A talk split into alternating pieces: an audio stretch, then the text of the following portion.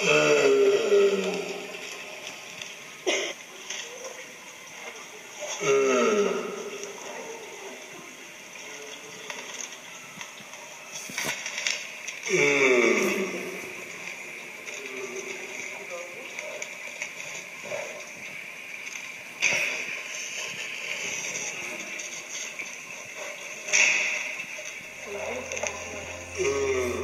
is Sarah Arnolds voor de gids en u luisterde naar 30 seconden van een koppel reuzenschildpadden die de liefde bedrijft op 14 februari 2011 in dierentuin Artis Amsterdam. Het geluid op de achtergrond dat aan het getik van regen doet denken is het geroezemoes en de flitsende camera's van de internationale pers die in grote getalen op dit evenement was afgekomen.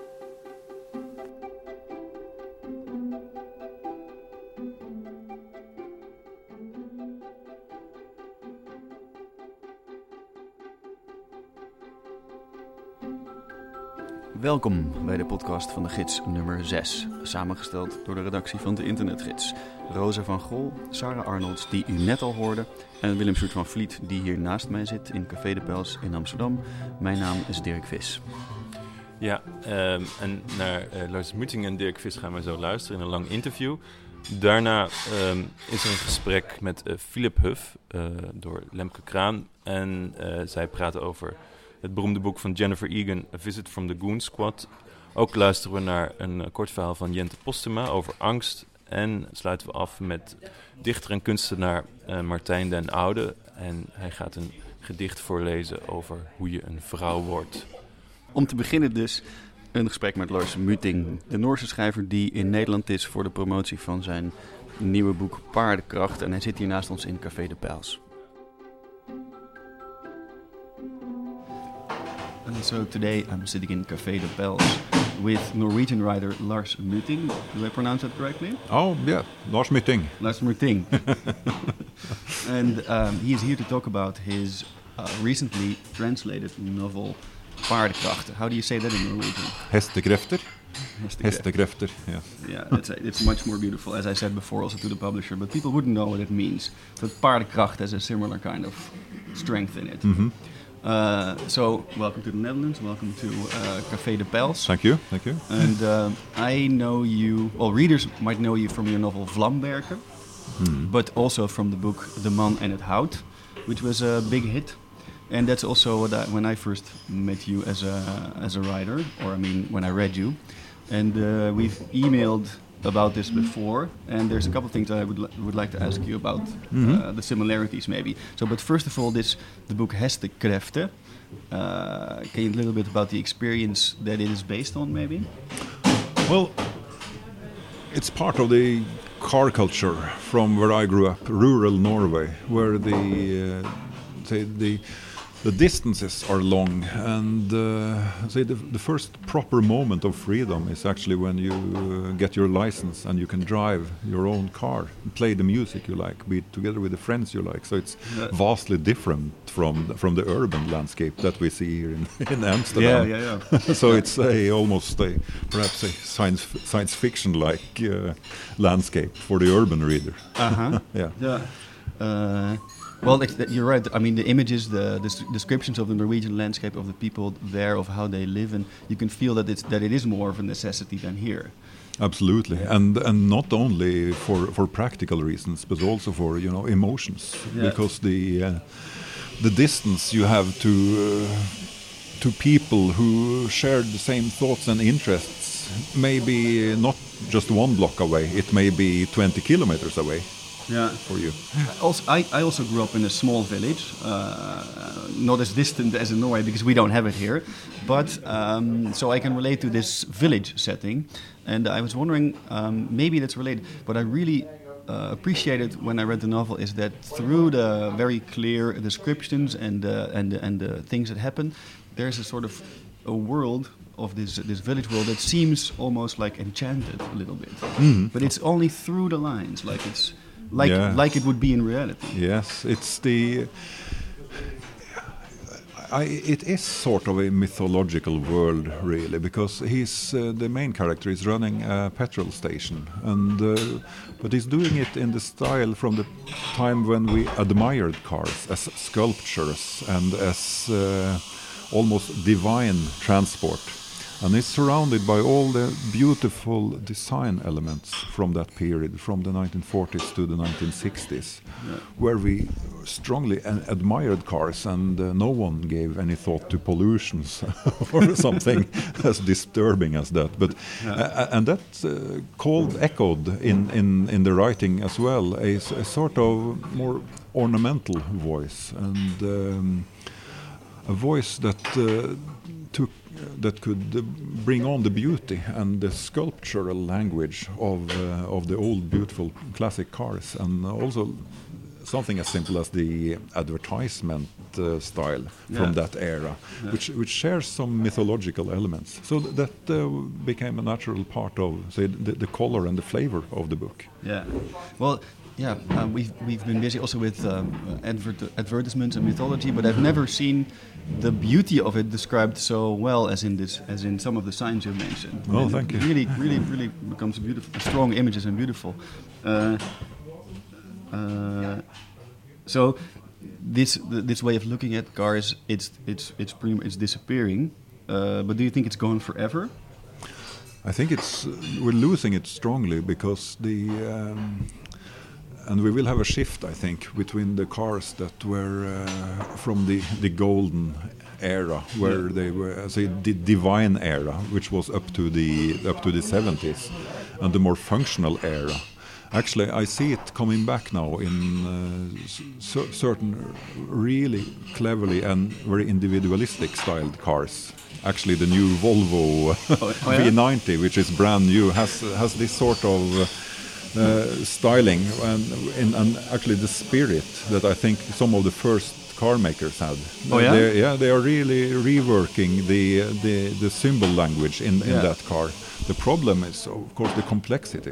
Yeah. and that's the altar of uh, of something we cannot sacrifice, which is safety and uh, and comfort and pollution. But the cars are perhaps so complex that it will be in the future impossible to maintain them properly. Yeah. A car from 1960 is possible to go on for 200 years if there yeah. is petrol for it.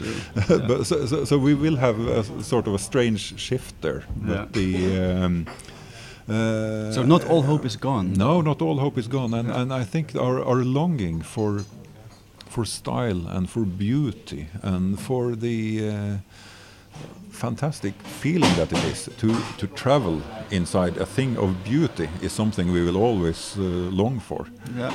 but uh, it, we've had some dark periods in the cars of the 80s and the 90s, really, which were more or less uh, awful. uh, and about this, the feeling of beauty that you mentioned, I got the feeling from the book. I mean, it's also a love story, mm. and uh, I got the feeling that uh, your character, main character, has a lot of has a strong sense of this, and he manages to, well, to keep it updated or to become a part of it. Or, but I also got the feeling that it is only that it only works if you manage to share it with other people. Mm. His his place in society is uh, interesting because he's the one who maintains cars and even the tractors and the farm equipment, and he's the one that gets things rolling and on the road again. And obviously, in uh, in a small society, that also makes you a, a person of high value, not only of uh, economical value, but uh, also someone who can be trusted and who is uh, people are deeply grateful to to him, mm -hmm. and his skills are uh, valuable not only in in one situation where you get one car rolling. Actually, he keeps the whole small rural village running, and people are thankful for him for for, for that. But he understands that he's living on the very edge of uh, or end of this situation. In mm. a few years, he will be obsolete, and his services will no longer be needed. And then what what will happen to him? So he's, he's the last of his kind, really, of yeah, this yeah. mechanical tradition. And and is this something like this service for the community or this role? Is this something is that is especially uh, valid for the for the car mechanic, or does it is it also is it for everybody? In fact, Well, we have. We, we- are losing it because so much of today's technology is not made uh, or designed to be repaired and fixed, and uh, it, it has a lifespan of uh, five to ten years, perhaps. yeah.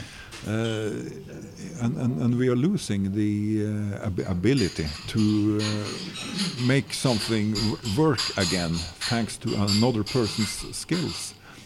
Uh, so he's. And that's the sorrow inside him, really. That we see that the uh, well, Yeah. these skills are, are are being lost and So- lose value. So in, in a society where the car mechanic is not the person that gets things rolling, literally, uh, because things have have only been made for the last five or ten years, uh, who is the person then that could fulfill this kind of job that he has, like the, the almost the second job or the the shadow job that he also has? The um, expand that a bit. Well, You- so if if the role of a car mechanic would be to not only literally get people's cars rolling, but also get things rolling in the village, uh, Mhm. like who is the person that could fulfill this job in the future when he can no longer do it because of the? um, Well, the uh, the, the times is running away from him really. The Mm-hmm. uh, the uh, equipment and the uh, the whole way of living has shifted from uh, from his generation and to to the next one.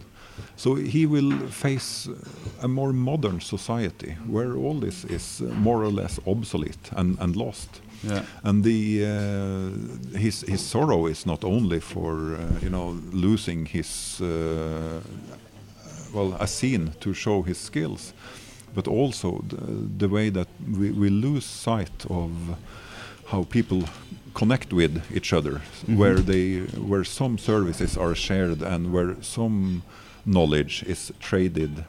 With, uh, well, I trade one service for you, and I get some benefit from you Yeah. without us paying anything, perhaps, which is a fun element often shown in the book. Yeah, that's true. But the- Uh, maybe the changing. I get the feeling that he he for uh, like he senses his changing role a little bit. There's a couple of key moments in the book that I felt very strongly is where I would call it he experienced something that you would that you could call something like dissociation, Mm. where you were not yourself for a short moment. Mm. And in his life, and uh, maybe I've experienced it, a similar thing. Maybe other people, I think everybody maybe, is where you for a moment sit next to yourself and something like a, something transform, uh, like a transformation happens at that Mm, time. yeah. Are these things like? Have you experienced this? And are these things a good thing? Oh, not only it's the it's a very very melancholic moment really because the uh, to bo- both to me and to him these are the moments when you start thinking what what would my life have been if I'd chosen another path eight or ten years ago if I'd uh, chosen another way in work if I'd chosen another woman Yeah. if I'd uh, chosen uh, say an, another lifestyle on that precise day back in uh, 1998 if Yeah. I'd done something different. And what he sees is perhaps the shadow of the person he would have been if his past had taken Yeah. another route. And uh, so, so there are there are so many times in the book where uh, where we leave realism and enter sort of a shadow landscape where the possible world is different from the factual world Yeah. and uh, th- these are all quite uh, well not supernatural moments but uh, the, the moments where uh, well well the mirror of who I could have been faces the one you actually became Yeah. and it's not always happy moments No, it's true. It's not. Uh, I sometimes felt like I, I would wish I, I I- would wish that I would be able to push the push somebody a little bit in the book, like oh please do it, do it. Mm. Yeah. Or but you can strongly feel yeah these moments where maybe yeah where where life splits, where you take another kind of opportunity. Yeah. And uh, And the, uh, the the interesting thing is to to put you know these uh, emotions and affections in such a strict uh, mechanical world as a car garage is, Yes. and uh, and there is a certain relief to that. Uh, in fact, a, a great relief because the mechanical world is so different from the emotional world. Yes. It's more like a binary world where things are more black and white, and he finds great com- comfort in, you know, escaping his emotions and running back to the car because things are either in order or there's something wrong with it, and he can get things settled. Yeah, you could fix Well, it. You can actually get get it rolling again, but it's so hard to get your own life back on the road. Well, uh, and so these, these these moments when they happen, they happen in all sorts of ways. First of all, I'd like to say that you mentioned you leave kind of realism maybe, but it doesn't feel that way. It feels super realistic and uh, real, and uh, it never feels like surrealistic or magical surrealism. Never, and I think it's very strong because therefore it it just it hits you all the harder. Um, but I get the sense that this the your main protagonist has a um, uh, well, the kind of knowledge that he has or understanding of cars, somehow the system also works within himself because of the images he sees or the. Uh, so in some sense, it is really working, but it it almost feels like you have no choice in the matter. Like it almost feels like sometimes things happens to him, and he, even though he sees or or sees a foreshadowing of certain events, he still cannot change what is going to happen. No, he's a uh, he's an extremely stubborn man, and on, on when we, you first look at the book, you cannot understand why how how he was shaped this way and how he um, was put in this uh, melting form and and bec- became with say, so rigid in his emotions.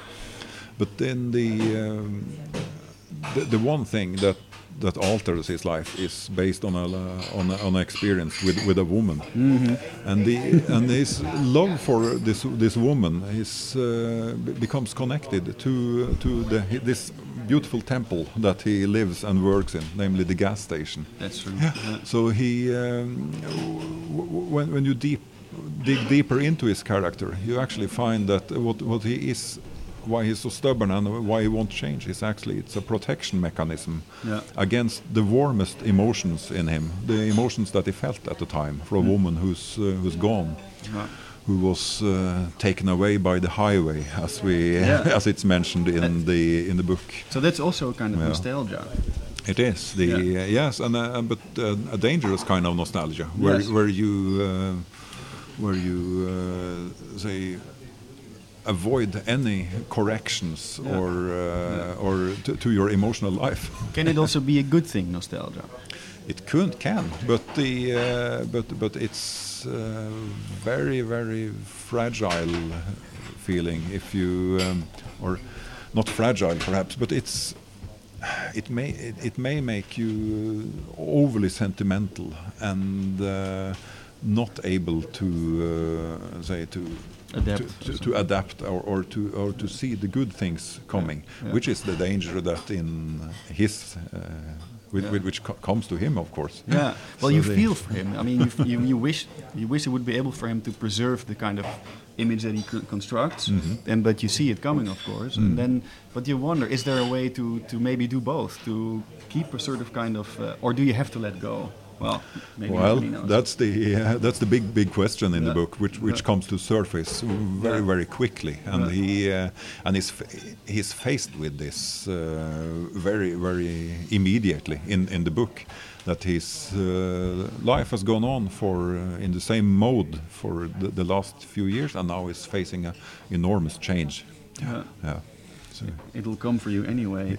Uh, so you mentioned that um, uh, the character likes to read um, the Haynes uh, car repair manual of Yeah. all kinds of uh, automobiles for comfort. Hmm. Also, when he when he needs them to, to instruct himself to repair a car, but also just for comfort. He has them all.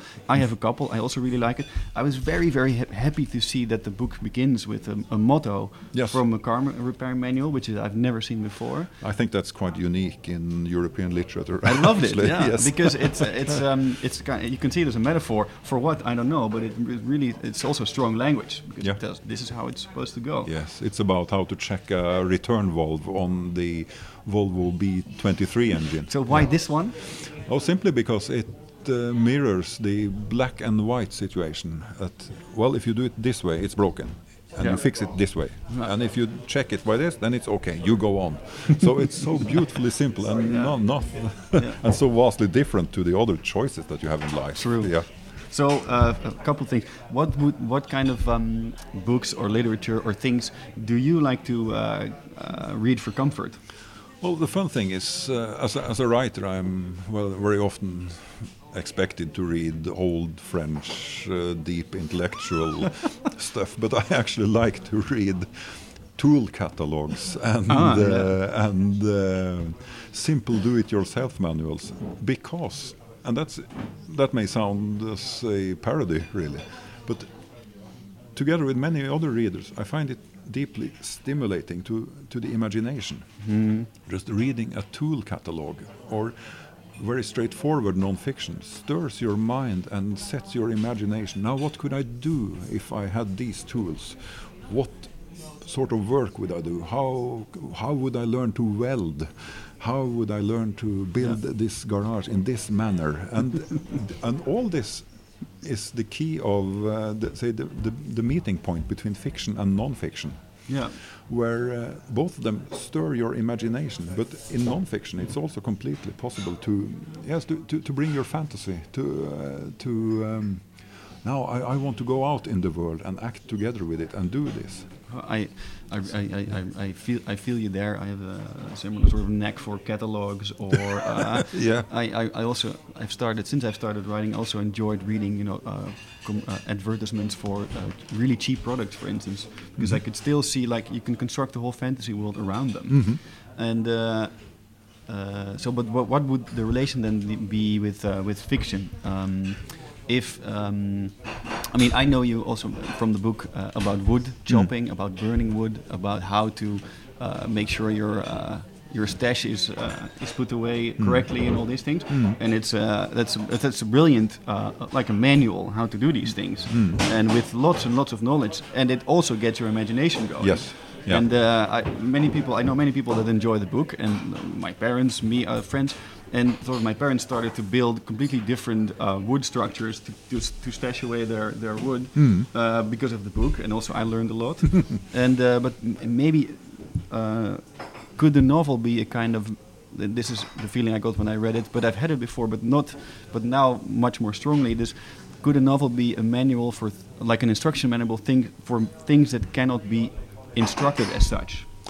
Yes, it's you know, the, the non-fiction is about you know the visible, tangible world, uh, and uh, actually in, in in the book it's mentioned that uh, if there, I would wish that there was a um, mechanical manual for my own emotions, he says. Yeah. So, and but and that is where uh, where the, the fictional world comes in, obviously the uh, and, and- and the strength of the novel is of course that you will live alongside a person who makes the good choices and the bad choices and uh, live in compassion together with with uh, him or her for uh, one or two or three days as long as it takes you to read the novel. And then then you are faced with the uh, faced with the reality of, of the results but they are more or less irreversible uh, so, so that is where the uh, where I enjoy to see non-fiction p- go into the um, oh, sorry where, where I enjoy to see the, the fiction t- uh, go into the epic tradition where you uh, where you face the main character with a challenge so strong that you will see his true identity surface Yeah. And uh, yeah, yeah I, I, I think it's quite fair to put it that way. That the non-fiction is the instruction manual to the uh, to the tangible world, and the the fiction is to the emotional world. That's a beautiful description. Thanks, you. Yeah. Thanks. Yeah, I like it very much. yeah. Uh,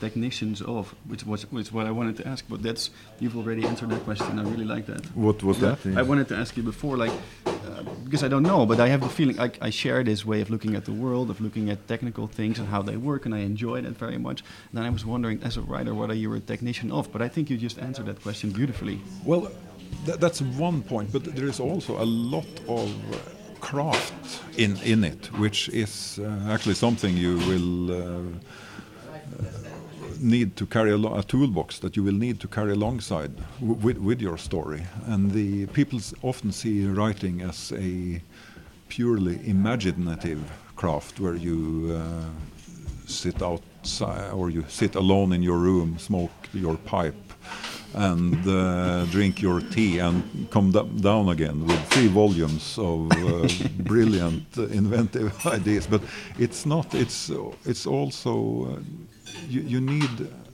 a certain knowledge of the craft on how to put the scene, how to get the dialogue right, how to put the, find the correct perspective to tell exactly this story, if it should be told in the past tense or if it should be told in present. Uh, all these are, uh, I'd say, the storytelling crafts, which are separate from uh, fr- from the story you're telling, and um, and i i it's it's interesting to, to to separate these things and look quite coldly on how a story is is told. That takes practice. Yeah, yes, and you will you will be completely able to dismantle a story and look at the structure and the mechanic and the skeleton of it. And very often when I write, when I read books, I uh, I may not be touched by the story, but I will. I will see the the, the mechanics in, inside it and how the, the scene is displayed and how it's um, Yeah. uh, how how the machinery goes to tell that story. Yeah. And uh, so, who do you who, who, who do you like to read? Well, my absolute favorite is for a long time has been the American uh, Cormac McCarthy, because he's so uh, he he writes uh, like there is no reader present. Oh yeah. He's uh, he's so p- in perfect balance with with the story, and his uh, sentences are crafted almost like the, the way a goldsmith would do it. Yeah. He's um, when I say that he writes that as if there is no reader present, it means that he doesn't force the story at all. He he just lets it evolve, and in uh, well in in in conditions very true to the subject that he's describing. Yeah. one one of my clear favorites. Yes. Yeah, yeah. I enjoyed the the road, for instance. Yeah, Mhm. really, really strong language. Very very dark, Yeah. and uh, and the, the the force of it is is almost like the forces of nature. But he, Yeah. what's interesting with him is that he also had a more um, ornamental and uh, where his language was uh, was very different from that, Oh yeah. from uh, from the earliest or or the, the middle center period of, of his work. His his language was much more elaborate and um, and uh, I wouldn't say richer or stronger in any sense, but but just like uh, a more uh, like more, uh, more far more intricate. Yeah, yeah. yeah. yeah. And is there a kind? So does there exist a kind of uh, instruction manual for this kind of uh, construction? It it does, and of course the, Ama- the the Americans has been there and done it, and Yeah. I, I love reading them because they're so vulgar. It says how to write a story and get rich in two months, and so but Yeah, it's but true. it but it but it's fun. It, it's But does it, it does it work that way? No, Can no, no, no. It, it doesn't because it it it um, it just uh, leaves you with a formula of how to do it. But it it it does uh, th- that formula is very valuable, and it's also uh, b- because it tells you plainly the the obvious mistakes to do when you or to avoid the most obvious mistakes. But it's also inspirational. It's like reading that uh, tool catalog, and it sets your Yeah, yeah, imagination to that's mind. true. So it, uh, Yeah. ah, yes, go on, read them. They uh, they uh, they stir your imagination and uh, Read them, but don't follow them too literally. No, Yeah. you mustn't. But uh, but at the beginning, it's Nice. Hmm. Um, maybe uh, a few things left, uh, but that maybe we still have some time for. Um, so, as a, as a composition, there's different voices in it. One voice that pops up, not so much, luckily, maybe I would say, but that's a really strong voice in the book, is um, the voice of a, of a language that I would call almost hollow or cynical of the people at the at, at uh, the management of the of the gas station. yes. And uh, did you have a lot of fun making this kind of language? Oh yes, that's what where I could be really evil against them because I I hate that profoundly. Yeah. It's the it's the it's the new generation of marketing language and also of uh, branding of companies where you um, where you make the company name so vague that you that they could mean almost anything Yeah. and also where the uh, the main objective of, of this language is not to say do something properly, but simply to get away with a cheap version of, uh, of what, what you are. Maybe a mystification or something. It is. It's the um, i i in, in the book they are discussing, uh, you know, a new name for the petrol sta station, uh, and they they come up with all sort of vague and slippery and absurd Yeah. names. But if you look at the modern uh, comp- company world, it's uh, it's it's completely th- that's the way it is, and it's uh, gone to the worse.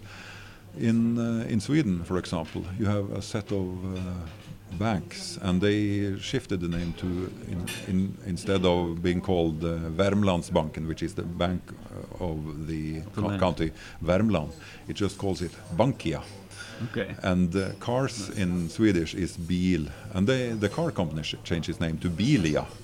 so it's, it's this o- simplification which is uh, almost ma- with, with another set of eyes we, we would clearly see how absurd it is Yeah.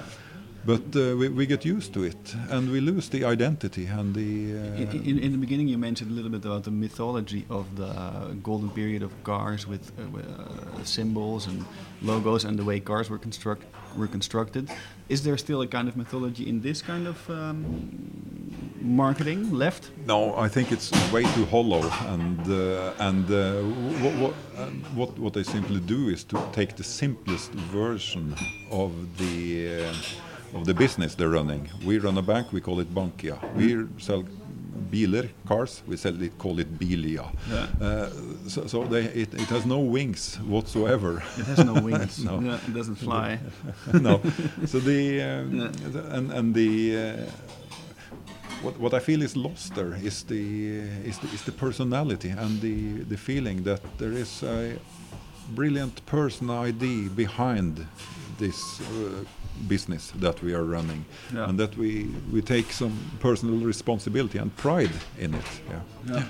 Uh, and uh, uh, when I read this, I, I sensed sort of the, the the the fun kind of evil behind it, and I got this sort of fun kind of evil idea, which was at a certain moment this kind of uh, language will be gone.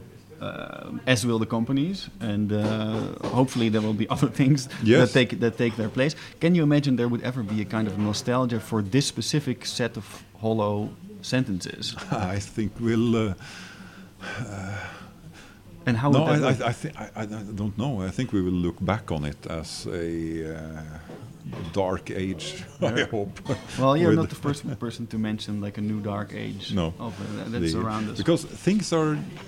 The, the comfort in this that if things change, they will change again, and uh, and uh, we have to accept, of course, that uh, not everything progresses in a cultivated and brilliant manner. Uh, it, it's it's a result of uh, the, both the globalization and of the corporatization, where uh, a few voices is able to make a stronger and stronger impact on the world we see around us. yeah. Um, maybe can you tell me a little bit about? Can you tell us a little bit about the white Cadillac? Oh, the White Cadillac! I love that. It's if you read, uh, it's my version of uh, Henrik Ibsen's White Horse, Ah, the uh, which symbolize when you see the white horse, you will face death, and yeah. it's an ancient tale also among the Sami people is that if if you see the mysterious white reindeer, then you know that it's your turn Yes. to die.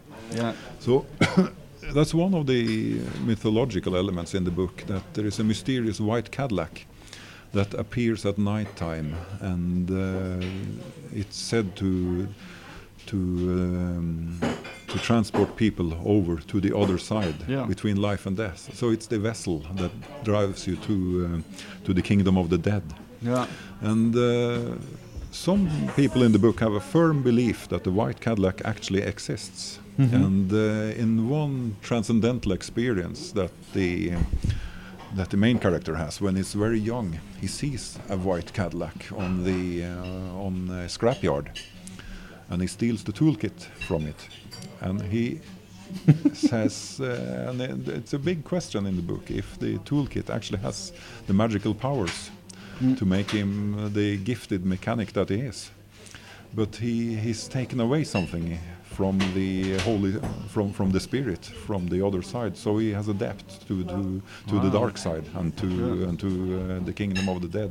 Uh, well, yeah, this is this whole backstory. You feel it when you read the book, but like I said before, it's not like uh, it, it really comes well it's really very subtly done and mm. beautifully done and also I think everybody has a, has similar kinds of experiences maybe without even knowing it I mean that's that for me mm. it goes mm. for a strong part mm. and um, it's part of my uh, that that that the origin of that story is from when I was just uh, 11 12 years old because we had a scrapyard of cars uh, quite nearby and I went there one summer and the ambience of an old car scrapyard is fantastic, especially in summer because the cars are warm inside and you can feel the various smells from leather, from um, leather imitation, from yeah. old family cars that's been standing there for ages. And the, the, the, car wrecker let me sit in the cars and admire them. And he, so I was um, playing that. I was driving these cars, and the uh, the idea of the uh, of the mysterious white Cadillac on the scrapyard comes partly from the imagination that I got there when I was just a small child. Uh, is he ever going to be able to? Are we ever going to be able to pay back that debt? We'll see. The, uh, we'll see. We'll see. We'll see. maybe, maybe as a final thing, I'm really curious. Uh, since this novel, you wrote the book about uh, wood. Mm -hmm. what are you uh, currently working on?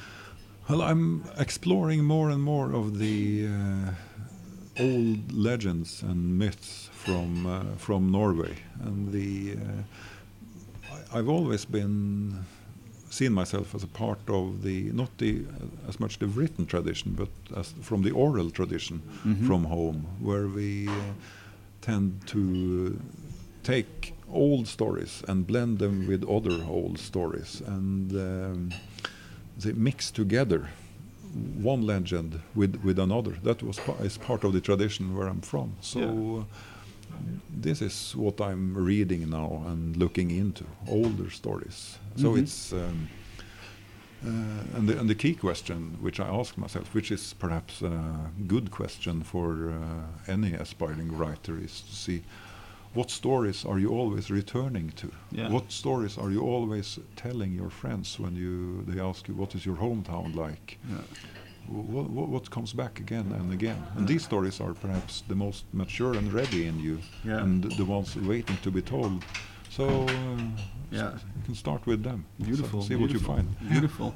and uh, so the oral, uh, and then, then maybe finally, so sort of as an uh, what kind of orally told stories are you looking into at the moment? Oh, that's a secret. I wouldn't be able to give, give, give that away, but uh, nice. I'm really, I'm hopefully really you'll, you'll see it. I'm really looking forward to it. It's wild. oh, I can imagine. Yeah. Oh, we're gonna we're gonna see that. So yeah, yeah, that's a promise for the future. Yeah. Uh, Lars, thank you very much. Well, thank you for the talk, mm. and uh, looking forward to reading more from you. Thank you.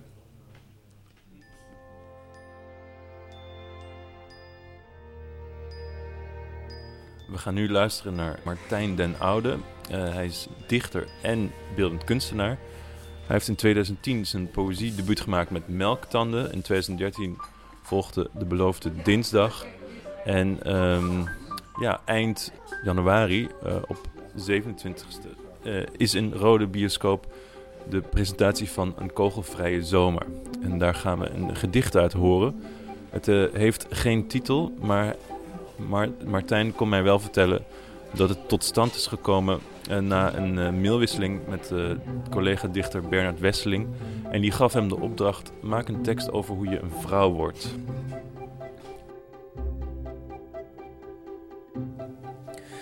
Buitengewoon vreemd de gedachten over het lichaam die in mij opkwamen toen ik mijzelf uitkleedde voor de spiegel en me voorstelde dat ik geen man meer was, maar een vrouw van twintig, met een prijzenswaardig lichaam, met vormen van veldbloemen en wijnglazen, een mond vol, dik en een tong waaruit de poriën honing druipt.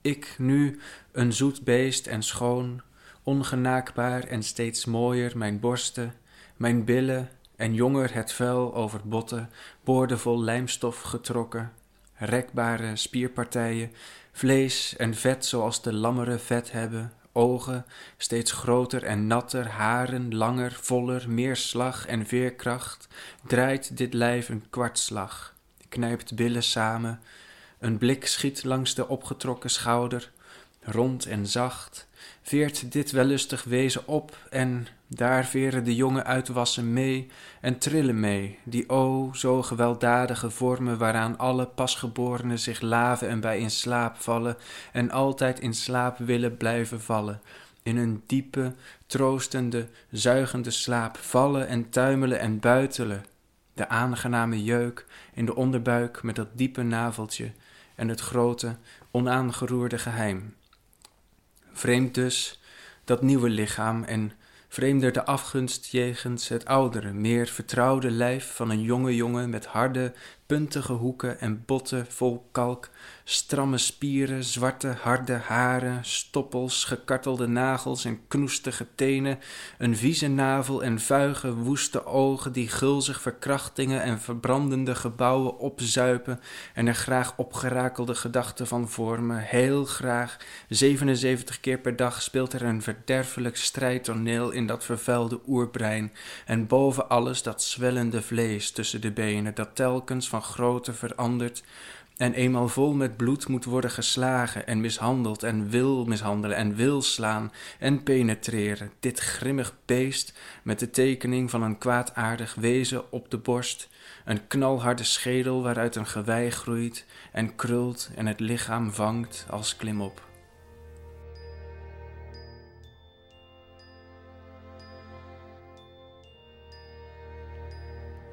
Schrijver Philip Huff heeft al een kleine geschiedenis bij de gids. In 2008 debuteerde hij namelijk bij ons met het korte verhaal De Ochtenden.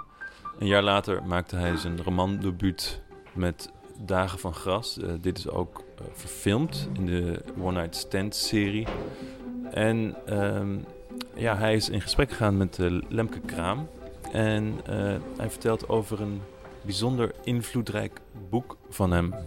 Laten we gaan luisteren.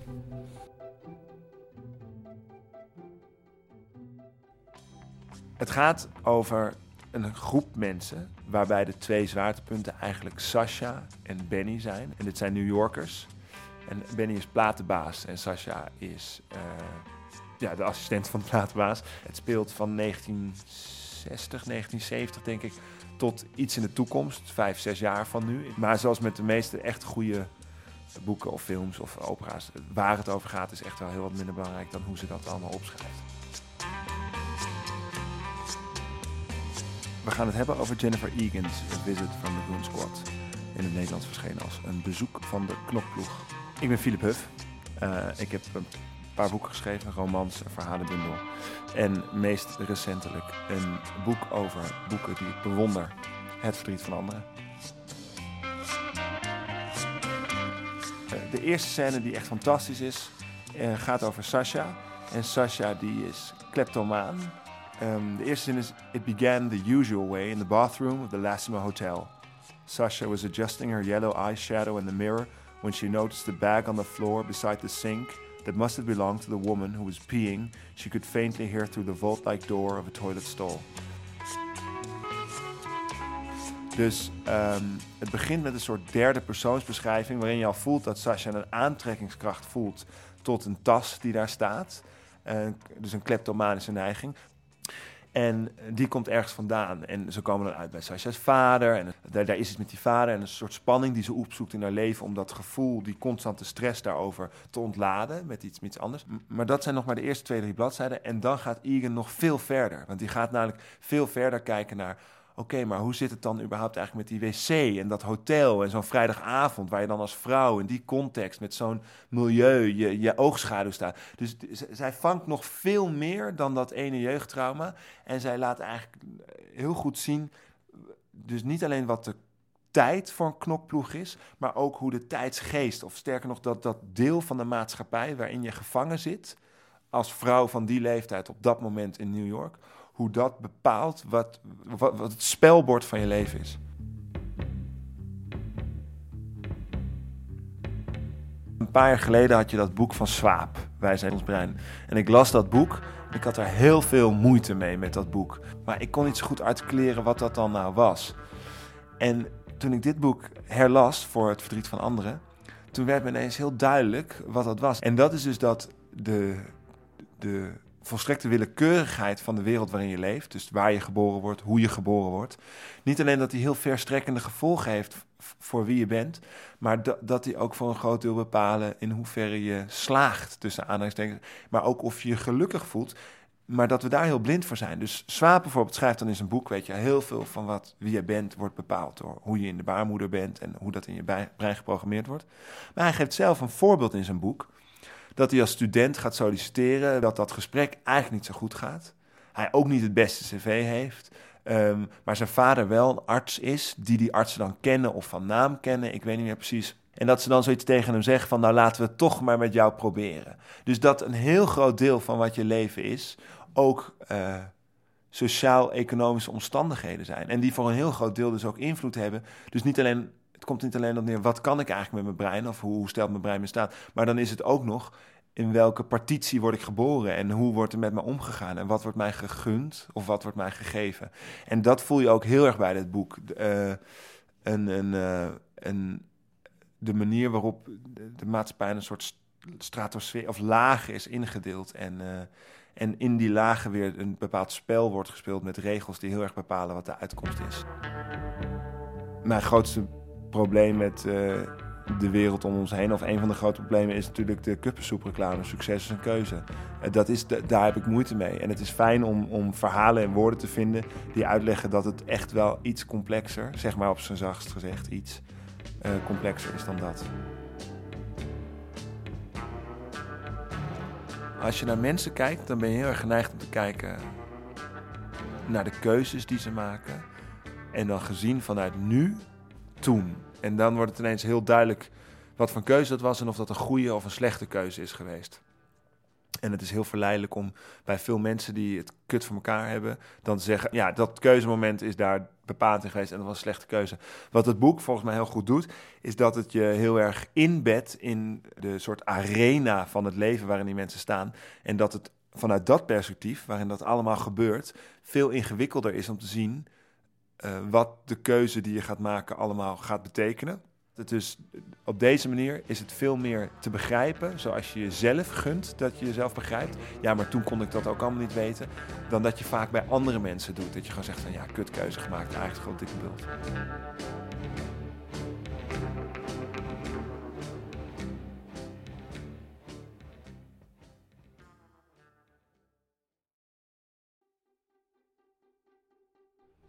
Als laatste gaan we luisteren uh, in de podcast van de gids naar een uh, kort verhaal, wat ook te lezen is in de digitale editie, nummer 1 van 2017. En het is van Jente Postuma. En zij maakte afgelopen jaar haar romandebuut Mensen zonder uitstraling, is uitgekomen bij Atlas Contact.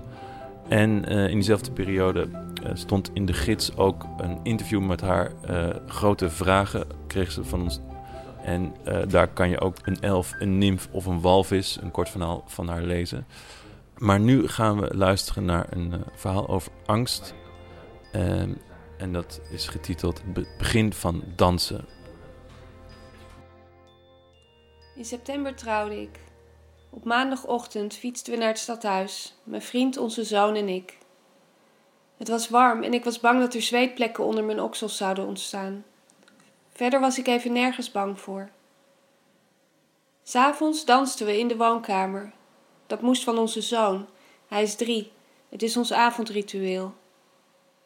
Als ik te moe ben en blijf zitten, zegt hij: Jij mag dansen, net zolang tot ik in beweging kom. Je bent iemand met angsten, zei een therapeut toen ik 25 was. Ze zei het anders, minder nadrukkelijk, alsof ze dacht dat ik het wel wist. In die tijd ging ik veel naar feestjes en hoopte ik dat niemand zag hoe mijn handen trilden als ik een sigaret opstak. Ik ging om met mannen die het te druk voor me hadden en dacht dat alleen die mannen bang waren. Het was de tijd waarin ik stopte met dansen. Mijn moeder heb ik nooit zien dansen. Ik denk dat ze het als klein meisje wel deed. Soms, als ze enthousiast wordt van bepaalde muziek, maakt ze een armbeweging die op het begin van dansen lijkt. Mijn vader wil best dansen, maar zonder mijn moeder begint hij er niet aan. De therapeut stelde voor dat ik het weer eens probeerde. Ze zette muziek op en zei: Ga maar staan. Ik ging staan en maakte een beweging die op het begin van dansen leek. Ik zei: Zo is het wel weer genoeg. In het begin vond mijn vriend me ingehouden. Later vond hij dat niet meer. Je vraagt wel zestien keer per dag hoe laat het is, zei hij. En hij zei: Ik heb niets met trouwen, maar als jij dat wil, vind ik het prima hoor. Het besluit om met mij een gezin te beginnen, dat moment vond hij veel belangrijker. Hij wist nog precies wanneer dat was. Het was kerst en hij zat aan de bar van een vol café. Een eindje verder stond ik op een stoel in een microfoon te schreeuwen. Ik droeg een verhaal voor over een moeder die bang was voor de wereld, maar deed alsof het niet zo was. Zodra ik klaar was, zou er buiten een muziekkapel gaan spelen. Het kon je niks schelen dat er mensen doorheen praten, zei hij. Ineens zag ik dat je onverschrokken bent. Een jaar later werd onze zoon geboren en keek ik toe hoe mijn ouders een tas met cadeaus leeggooiden op het vloerkleed voor onze bank. Dit is het dan, zoon, dacht ik. Met deze mensen moet je het doen. Mensen die niet dansen en zestien keer per dag vragen hoe laat het is. Ineens schoot me iets te binnen waar ik lang niet aan had gedacht. Ik was vijftien en hing uit het zolderraam met een sigaret die ik uit mijn moeders tas had gestolen, mijn hoofd in een mist van rook. Ik ben mijn ouders niet, dacht ik. Ik hield mijn adem in en de mist trok langzaam op.